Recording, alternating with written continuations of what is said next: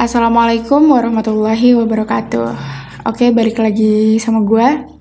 Setelah ya seperti biasa lama nggak upload. Jadi sebenarnya episode ini nggak seharusnya tayang sekarang karena kemageran gue gitu ya. Tapi karena gue mendapat info bahwa bentar lagi itu ya permanen data buat UTBK. Jadi ya oke lah, gue jadi apa ya jadi terdorong untuk membuat ini sekarang gitu. Eh, sesuai judulnya yang kalian lihat di cover, gue tidak akan memberikan tips karena gue tidak punya tips gimana caranya sukses UTBK. Gue juga nggak punya tips gimana caranya masuk jurusan impian karena gue mungkin belum merasa kompeten untuk menjawab itu.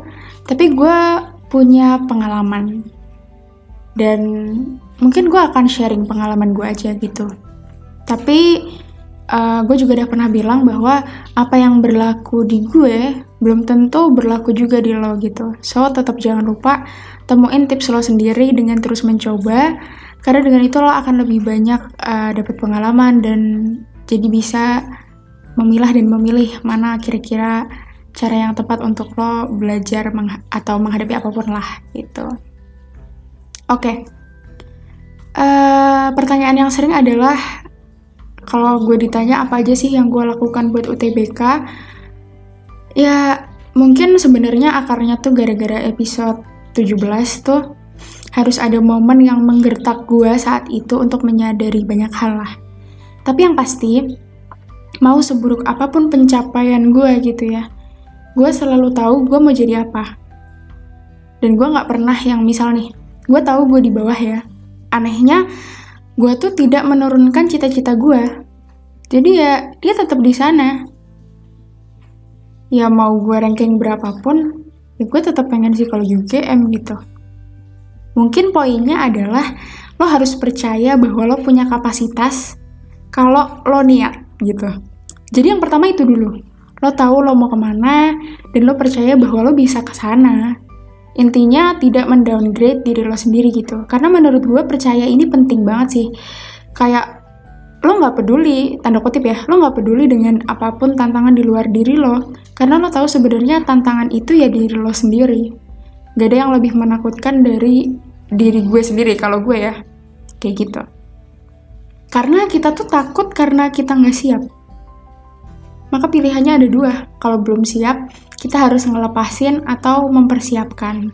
Dan ketika lo percaya sama diri lo, ya maybe itu bakalan lebih ngebawa diri lo untuk lebih mempersiapkan, memilih untuk mempersiapkan. Sedangkan kalau lo nggak yakin, ya lo akan cenderung ngelepasin. Tapi sebenarnya melepaskan ini juga nggak buruk gitu, karena bisa jadi banyak pertimbangannya. Nah, yang menjadi sia-sia gitu menurut gua adalah ketika lo merasa lo melepaskan gitu hanya karena satu pertimbangan. Bukan karena banyak pertimbangan gitu. Karena lo merasa lebih buruk atau lebih di bawah dari orang lain. Ya tapi tetap harus ukur baju lah put, sadar diri. Nah jujur, uh, gue nggak bisa menanggapi apa-apa soal ini. Karena gue 50-50 lah sama statement ini karena menurut gue ya gitu dari gue pribadi dari pengalaman gue Allah tuh baik cuy Allah itu suka ngasih lebih dari apa yang kita pikirin kadang-kadang. Sering kali. Kenapa gue 50-50 karena sebenarnya terkadang orang tuh bahkan nggak tahu ukurannya berapa. Kadang tuh orang nggak bisa menilai dirinya sendiri. Alhasil dia ngikutin penilaian orang lain. Entah kata temennya lah, kata gurunya lah, atau kata rapot. Tapi gue gak bilang bahwa rapot gak penting ya. Padahal ukur baju itu, baju itu sendiri itu sesuatu yang fleksibel. Tubuh kita juga. Dalam perihal perbajuan ini, menurut gue ada dua pilihan. Lo mau cari baju yang pas sama lo, atau lo nemu nih ada ada ya di suatu mall misalnya. Lo nemu ada baju bagus gitu, limited edition, tinggal ada dua tuh, stok terakhir dan lo mau menyesuaikan dengan baju itu dan harus ada estimasi waktunya karena baju itu tinggal dua kan jangan sampai pas lo merasa badan lo udah sama tuh baju bajunya udah diambil orang kayak gitu ya udahlah belum rezekinya put nah itu beda lagi ya dan itu beda konteks dan gue tidak sedang membahas itu. Jadi intinya lo harus punya motivasi gitu loh. Kenapa lo pengen itu? Mungkin karena mereknya terkenal terpercaya, atau karena modelnya terlihat elegan dan sebagainya. Nah, lo juga harus punya alasan yang membuat lo mau menyesuaikan apa yang lo pengen. Kayak si baju tadi. Cuma mungkin bedanya menurut gue adalah kalau untuk cita-cita lo harus punya alasan yang lebih dari sekedar merek dan elegan. Kenapa? Karena setelah lo memilih, lo akan dapat tantangan baru yang akan menghadapkan lo pada pilihan baru juga. Dan lo harus punya alasan yang akan membuat lo bisa bertahan dengan bahagia gitu. Emang alasan lo apa, Put? Ya adalah alasan gue. Mungkin kapan-kapan gue sharing di lain episode kali ya. Tapi uh, gue tuh selalu berdoa gitu. Dan gue baru merasakan ini sekali gue nggak pernah berdoa yang ya Allah terima hamba di psikologi UGM gitu misalnya intinya gue minta gimana pun caranya ya Allah terima hamba di sana gitu nah gue baru ngerasain gue biasanya doa seperti itu gue langsung minta apa yang gue mau tapi urusan univ ini entah kenapa gue berdoa beda dari biasanya pada saat itu gue merasa apa ya kayak gue tuh kan manusia ya gue tuh terbatas gitu pengetahuan gue, kapasitas gue, dan lain-lain. Sedangkan Allah itu maha segalanya. Allah itu maha tahu. Apa-apa yang gue gak tahu. Gue mungkin mau masuk UGM karena ya yang gue tahu, yang gue pengen tahu ya UGM. Tapi berapa banyak hal-hal di dunia ini yang cuma Allah gitu yang tahu. Dan pada akhirnya gue berserah aja. Ya Allah, jika memang di sana di UGM maksudnya adalah jalan hamba untuk mengabdi kepadamu maka lancarkanlah ya Allah. Tapi jika engkau punya sesuatu yang lebih, yang mana ketika hamba di sana, itulah jalan mengabdi yang terbaik bagi hamba, maka tunjukilah jalan itu. Dan lapangkanlah hati hamba untuk setiap keputusanmu. Dan sebenarnya gue pengakuan aja ya guys, kan anak SMA tuh rame ya, saling mendoakan gitu kan. Nah sebenarnya doa yang sama gue tujukan buat teman-teman gue kayak kalau pas nyebut satu-satu tuh misal nanap gitu ya di sasing ya gue tuh tidak yang langsung mendoakan nanap supaya masuk sasing tapi persis kayak doa gue buat diri gue sendiri. Kenapa? Ini sebenarnya agak egois sih rada nggak mau kalah gitu loh. Karena biar gimana pun caranya Allah tuh nggak bisa nolak doa gue jadi kalau gue masuk lolos gitu doa gue dikabulin. Ya berarti gue masuk. Berarti ini jalan gue kalau nggak masuk doa gue juga dikabulin. Berarti Allah mau nunjukin gue nih jalan yang mungkin selama ini gue nggak pernah ngelirik. Karena bagi gue percuma gitu. Gue nggak mau diri gue teman-teman gue misalnya nih kita gitu udah tuh lolos sesuai keinginan. Tapi ternyata dengan itu kita bukannya semakin dekat sama Allah malah semakin jauh. Bukannya tambah bersyukur dengan anugerah-anugerah dari Tuhan malah jadi kufur sama nikmat gitu. Nah gue nggak mau itu terjadi. Dan kenapa gue meminta dilampangkan hatinya? Karena menurut gue itu yang kita butuhin gitu. Coba senikmat apa coba kalau Allah yang ngelapangin hati kita. Kita mungkin nggak bisa mengatur apa yang akan terjadi besok. Orang bakal ngapain kita apa hal-hal yang mungkin kurang menyenangkan ataupun terlalu menyenangkan misalnya akan terjadi. Tapi kalau udah Allah yang ngasih kelapangan hati kita, udah deh apa aja yang terjadi, ya kita serahin ke Allah gitu dan itu bakalan jadi ringan.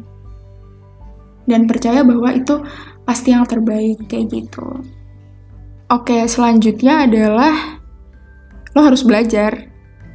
Iya, lo harus ingat bahwa setelah lo keterima, lo itu kembali ke titik nol di mana lo nggak tahu apa-apa.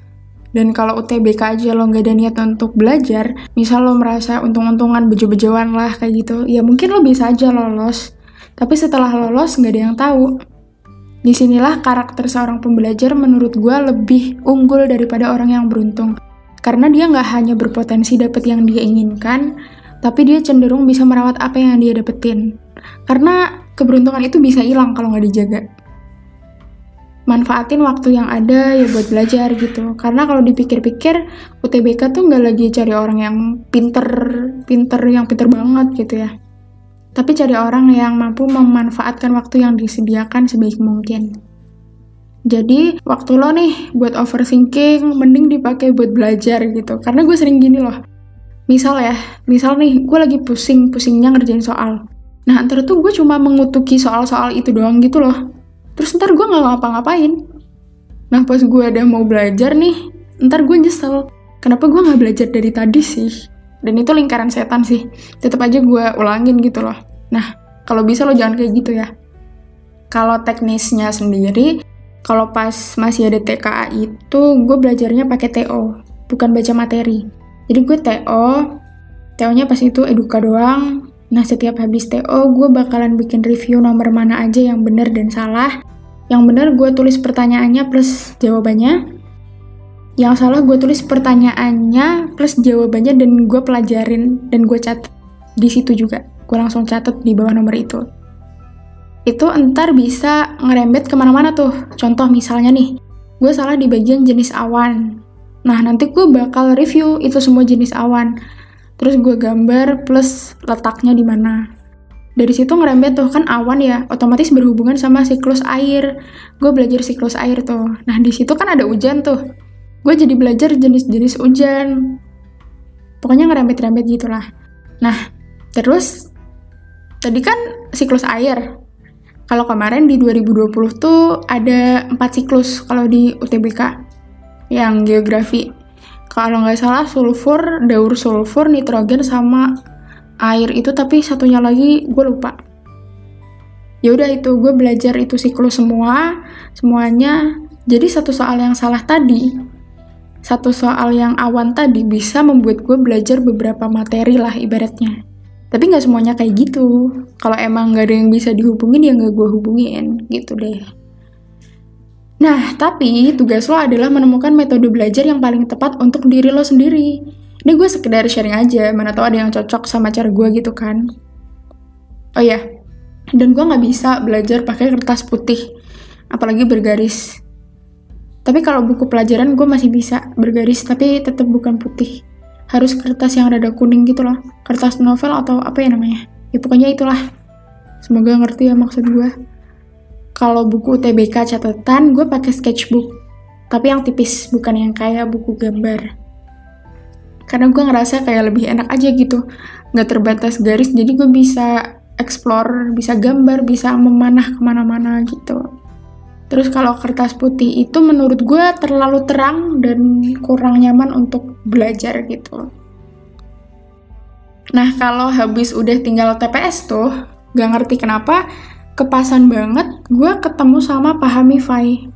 Yang mana gue udah tahu ada platform namanya Pahamify, cuma gue nggak suka namanya gitu loh, kayak aneh. Tapi serius, gue tuh pakai Eduka karena namanya bagus. Emang aneh banget sih. Nah, tapi suatu hari gue nanya pakai question box gitu kan. Minta saran TO apa yang menurut viewers paling berpengaruh.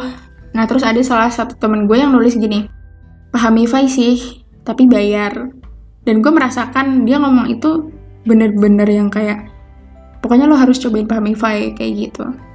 Uh, tapi denger bayar itu gue udah gak seneng gitu loh kok bayar sih? Jadi males. Nah jadi gue masih belum tertarik tuh. Nah suatu hari temen gue ada yang ngajakin uh, beli TO Pahamify pokoknya yang bareng-bareng bersepuluh. Nanti harganya lebih murah. Akhirnya gue mau tuh. Akhirnya gue beli. Dari situ gue pakai Pahmify gitu. Dan ternyata oh ternyata gue nyesel banget kenapa gue baru pah pakai Pahmify saat itu. Yang mana ternyata Pahmify senyaman itu buat belajar dan membuat gue pengen belajar terus gitu. Jadi gue sangat menyarankan sih buat kalian yang uh, males belajar bahkan sampai saat ini udah deh langsung langsung download Pahamify dan beli paket belajar tapi kalau itu uh, masih itu ya masih pas TO tuh. Nah tapi gara-gara TO itu akhirnya gue uh, memberanikan diri. Lebih tepatnya emang gue kepengen sih pakai paket belajar yang kebetulan saat itu lagi ada diskon jadi gue beli paket belajarnya Pahamify juga dan itu super nyenengin sih. Karena kayak uh, apa ya seru aja gitu belajar di Pahamify lebih ngerti banyak fiturnya dan menurut gue yang bikin spesial Pahamify itu adalah dia beda dari platform lainnya. Karena dia khusus dia platform belajar bukan cuma TO ada aplikasinya tapi dia cuma buat anak SMA jadi gue ngerasa itu tuh gue banget gitu loh. Mungkin kapan-kapan gue bisa lah ya. Tapi nggak di sini gue sharing alasan gue kenapa gue bener-bener suka cinta banget sama Pahamify mungkin kapan-kapan gue share di Instagram kalau les sendiri gue tuh sebenarnya les tapi gue lebih gue prefer ke online. Karena ternyata setelah les itu gue merasa gue nggak cocok sama les offline. Karena menurut gue sama aja gitu muridnya tetap banyak. Ya gue tidak akan katakan di mana gue les karena gue merasa kurang puas mungkin karena faktor diri gue sendiri yang kurang bertanggung jawab atas les itu. Jadi gue hampir nggak pernah masuk gitu. Apalagi pandemi jadi tambah nggak masuk kan. Ya udah kayak gitu. Jadi kalau kata gue buat kalian yang mau les offline silahkan. Tapi pastikan kalian bertanggung jawab sama pilihan kalian. Sekalipun kalian tajir melintir kalian punya banyak duit sisa-sisa tapi ingat bahwa uang itu dipertanggungjawabkan di akhirat gitu. Jadi tetap harus kalian pertanggungjawabkan jangan mentang-mentang kaya terus kalian bisa buang-buang duit seenaknya. Kayak gitu. Jadi gitu sih. Harus bisa tanggung jawab tapi kalau lo tanya gue gue lebih prefer gue prefer ke online karena lebih fleksibel kemudian uh, bisa menyesuaikan kita lah. Kalau misalnya di offline kan ya lo harus nyesuaiin jam jam kelas. Kalau misalnya saat itu lo sakit atau lo nggak mood, lo sedih, misalnya lo nggak bisa banget keluar rumah, gak enak gitu. Kalau online lo bisa kapan aja, lebih enak. Dan menurut gue lebih bebas karena kalau gue pribadi gue lebih suka belajar online gitu kalau walaupun les tetap rasanya canggung kalau harus nanya pas ada lagi ada teman-teman gitu. Jadi prefer ke online. Tapi itu terserah kalian mau dua-duanya juga bisa. Gitu. Tapi gue kira ini ya kalau untuk pandemi gue kira online ini udah sangat berpengaruh sih. Terutama pahami ya. Gila keren banget sih. Oh iya nih uh, BTW itu kan info dari LTMPT itu kan ganti-ganti terus ya. Kayak se semakin diperpanjang, UTBK diundur, kemudian pergantian materi dan lain-lain. Itu gue beberapa kali nangis sih. Terutama pas diumumin TPS doang. Karena gue ngerasa gue udah belajar gitu loh. Gue udah belajar TKA, ya gue gak terima lah tapi seperti biasa, ada emak gue tercinta gitu yang selalu memandang apa pun dari sisi positif. Bunda gue cuma bilang, kamu percaya nggak sama Allah? Percaya. Ya udah, apa pun yang dia takdirkan itu yang terbaik. Siapa tahu itu jalan kamu yang emang disediain sama Allah. Udah, udah itu gue nggak, gue auto iya gue nggak bisa ngapa-ngapain. Jadi pesan gue, buat siapa pun nih yang kalau ada ujian lah apa pun itu, nggak harus UTBK. Seandainya kebijakan-kebijakan itu ganti-ganti tanpa permisi, udah lo percaya aja sama yang di atas. Itu lo berprasangka baik aja sama yang di atas. Antara lo didekatkan dengan anugerah atau lo sengaja sedang dijauhkan dari malapetaka gitu makanya kenapa gue nggak mau ambil pusing soal milih jurusan univ ya karena gue adalah gue percaya nanti Allah yang bimbing gue gitu jadi gue nggak nggak yang pernah khawatir takut teman gue keterima takut saingan tuh nggak pernah karena mungkin karena orang tua juga ya karena orang tua tuh nggak pernah yang yang merasa butuh bersaing banget, kemudian ingin menghalalkan segala cara, gimana caranya biar bisa dapet ini itu. Gue tuh tidak belajar seperti itu di rumah. Gitu, gue gak pernah mikirin prospek kerja, gue gak pernah mikirin jurusan mana yang nanti kalau kerja gajinya gede. Tapi gue berpikir ilmu apa yang kira-kira kalau gue belajar itu gue bisa jadi manfaat buat orang. Dan gue bisa menentukan dari kacamata gue sebagai manusia kan. Oh mungkin pas itu gue berpikir psikologi gitu. Tapi untuk hasilnya gimana ya gue serahin sama Tuhan. Kalau Allah bilang iya, ya berarti gue diterima, gue dikasih jalan di sana. Kalau Allah bilang enggak, ya gue akan diselamatkan dengan cara tidak diterima. Karena mungkin ada orang-orang yang bisa lebih amanah ketika dapat psikologi dibanding gue. Dan gue akan ditempatkan di tempat di mana gue bisa lebih amanah dibanding ketika gue di psikologi. Kayak gitu ibaratnya. Ya mungkin ada yang mikir bahwa ya keluarga lo mah enak buat udah cukup apa-apanya. Makanya gak mikirin prospek kerja. Ya gimana ya, sebenarnya keluarga gue gak secukup itu juga. Ya cuma buat apa gak sih? Buat apa dilihat-liatin gitu lah makanya gue tuh kesel banget kalau dengar ada orang yang pakai KIP padahal dia kaya tau kan? Lebih kaya dari gue gitu. Sedangkan gue pontang-panting orang tua gue nyari uang buat UKT aduh itu zolim banget sih orang-orang yang mengambil hak orang lain itu. Tapi mungkin karena orang tua gue tuh bukan tipe orang yang menuhankan duit juga gitu loh dan kalau uang nggak ada itu nggak jadi masalah buat keluarga gue. Karena terutama emak gue ya. Karena beliau itu percaya banget rezeki itu Allah yang ngasih.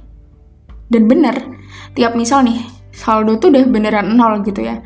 Bunda gue tuh dapat panggilan suatu hari gitu ya ke Balikpapan buat ngisi suatu acara. Jadi bunda gue tuh psikolog, dosen dan trainer gitulah ya.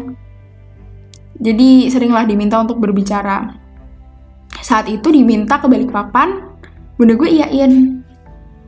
Dan lo tahu, bunda gue dibayar 15 juta di Balikpapan itu. Dan bunda gue nggak pernah coy dibayar segitu. Itu itu bayaran terbanyak lah bisa dibilang. Dan bunda gue kaget. Dan kayak apa ya? Kayak Allah tuh tahu banget kalau keluarga gue lagi nggak punya duit. Itu tuh ajaib asli jadi kalau lo amanah dengan ilmu, gitu ya, terus lo percaya sama Tuhan, di dikasih sama Tuhan. Jangan pernah ngerasa bahwa lo nggak bisa makan hari ini. Gue pernah dengar tuh dari Danang, gue pernah dengar di podcastnya Viniar. Kalau lo takut nggak bisa makan hari ini, lo tuh berarti lo tuh ngeraguin Tuhan coy gitu kayak nggak boleh gitu loh. Jadi kalau lo beneran percaya sama Tuhan lo tuh juga nggak boleh merasa bahwa intinya harus percaya. Contohnya apa? Misalnya lo ngeliat temen lo gitu kan terus lo tiba-tiba ngerasa takut. Duh eh, kayaknya gue nggak diterima deh. Terus lo merasa lo harus menghasut dia untuk memilih jurusan lain. Oh itu berarti lo jahat coy. Jujur kalau boleh gue bilang lo jahat. Dan lo sedang tidak percaya kepada diri lo dan juga Tuhan gitu. Lo percaya aja serahin aja sama Allah gitu. Ter Allah yang kasih kalau emang itu jadi takdir lo. Dan menurut gue oh ini juga termasuk tata cara tips UTBK ya. Intinya jangan pernah halangin cita-cita orang kata gue mah. It's okay orang punya cita-cita yang sama kayak lo Toh di dunia ini yang boleh bercita-cita juga bukan cuma lo doang. Dan mungkin sebenarnya banyak sekali orang yang lebih kompeten daripada lo. Jadi jangan merasa bahwa lo adalah prioritas dunia nomor satu yang harus di paling atas. Enggak. Banyak orang yang boleh bercita-cita sama dengan lo. Yang sebenarnya mungkin mereka lebih pantas daripada lo.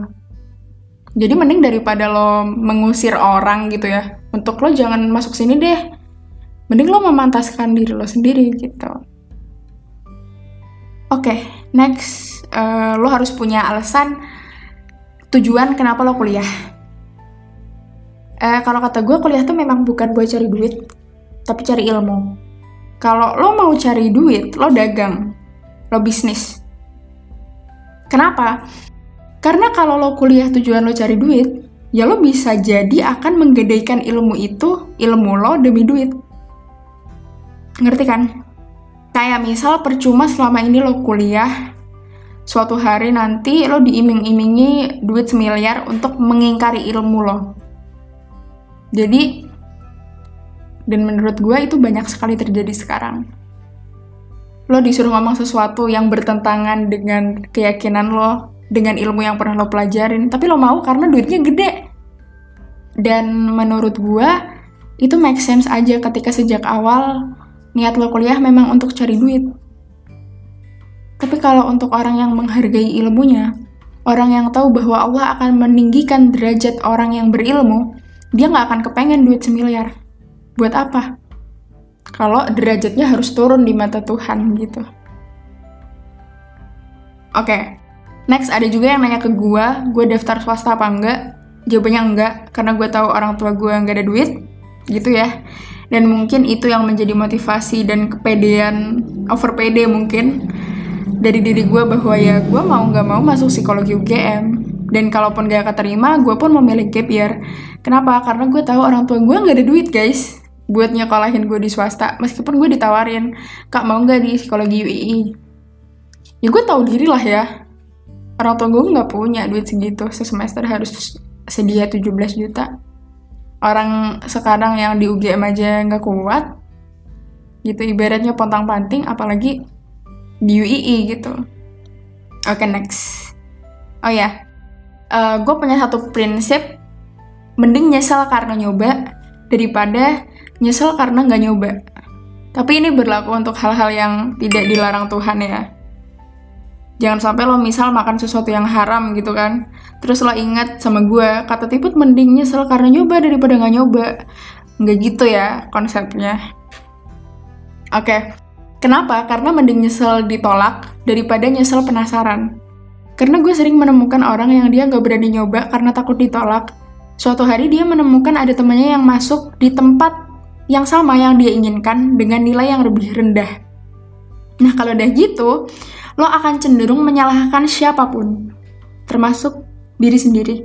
Makanya di awal tadi, sebelumnya gue juga udah bilang bahwa please lo fokus sama diri lo, tujuan lo, sehingga lo tahu apa yang harus lo lakukan. Ketika semua orang bilang gak mungkin, tapi lo tetap percaya sama diri lo. Itulah yang akan menjadi kekuatan lo. Dan ketika lo nggak dapet pun, lo nggak akan. Dan ketika lo nggak dapet pun, lo nggak dapet karena nyoba, bukan karena mundur.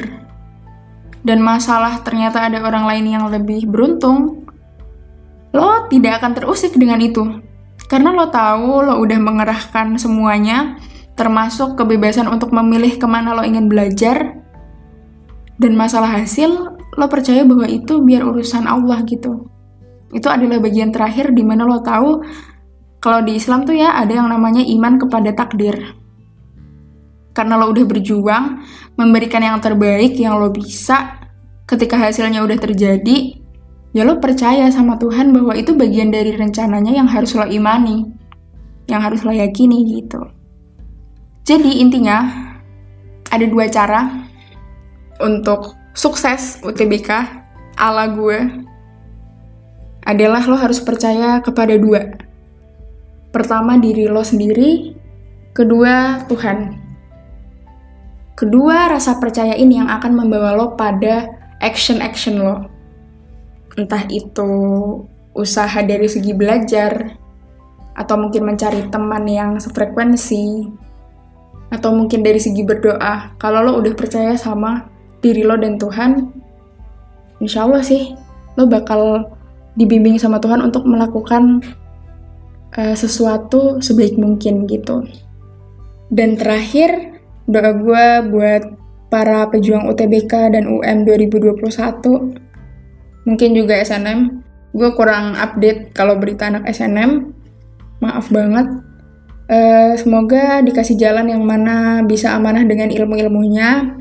Yang mana kita bisa memberikan dampak positif dengan ilmu yang kita punya dan dibimbing sama Tuhan dalam proses menuntut ilmu itu yang tidak akan ada habisnya sampai akhir hayat serta diberikan kelapangan hati untuk apa pun hasilnya nanti. Sekian dari gua. Wassalamualaikum warahmatullahi wabarakatuh.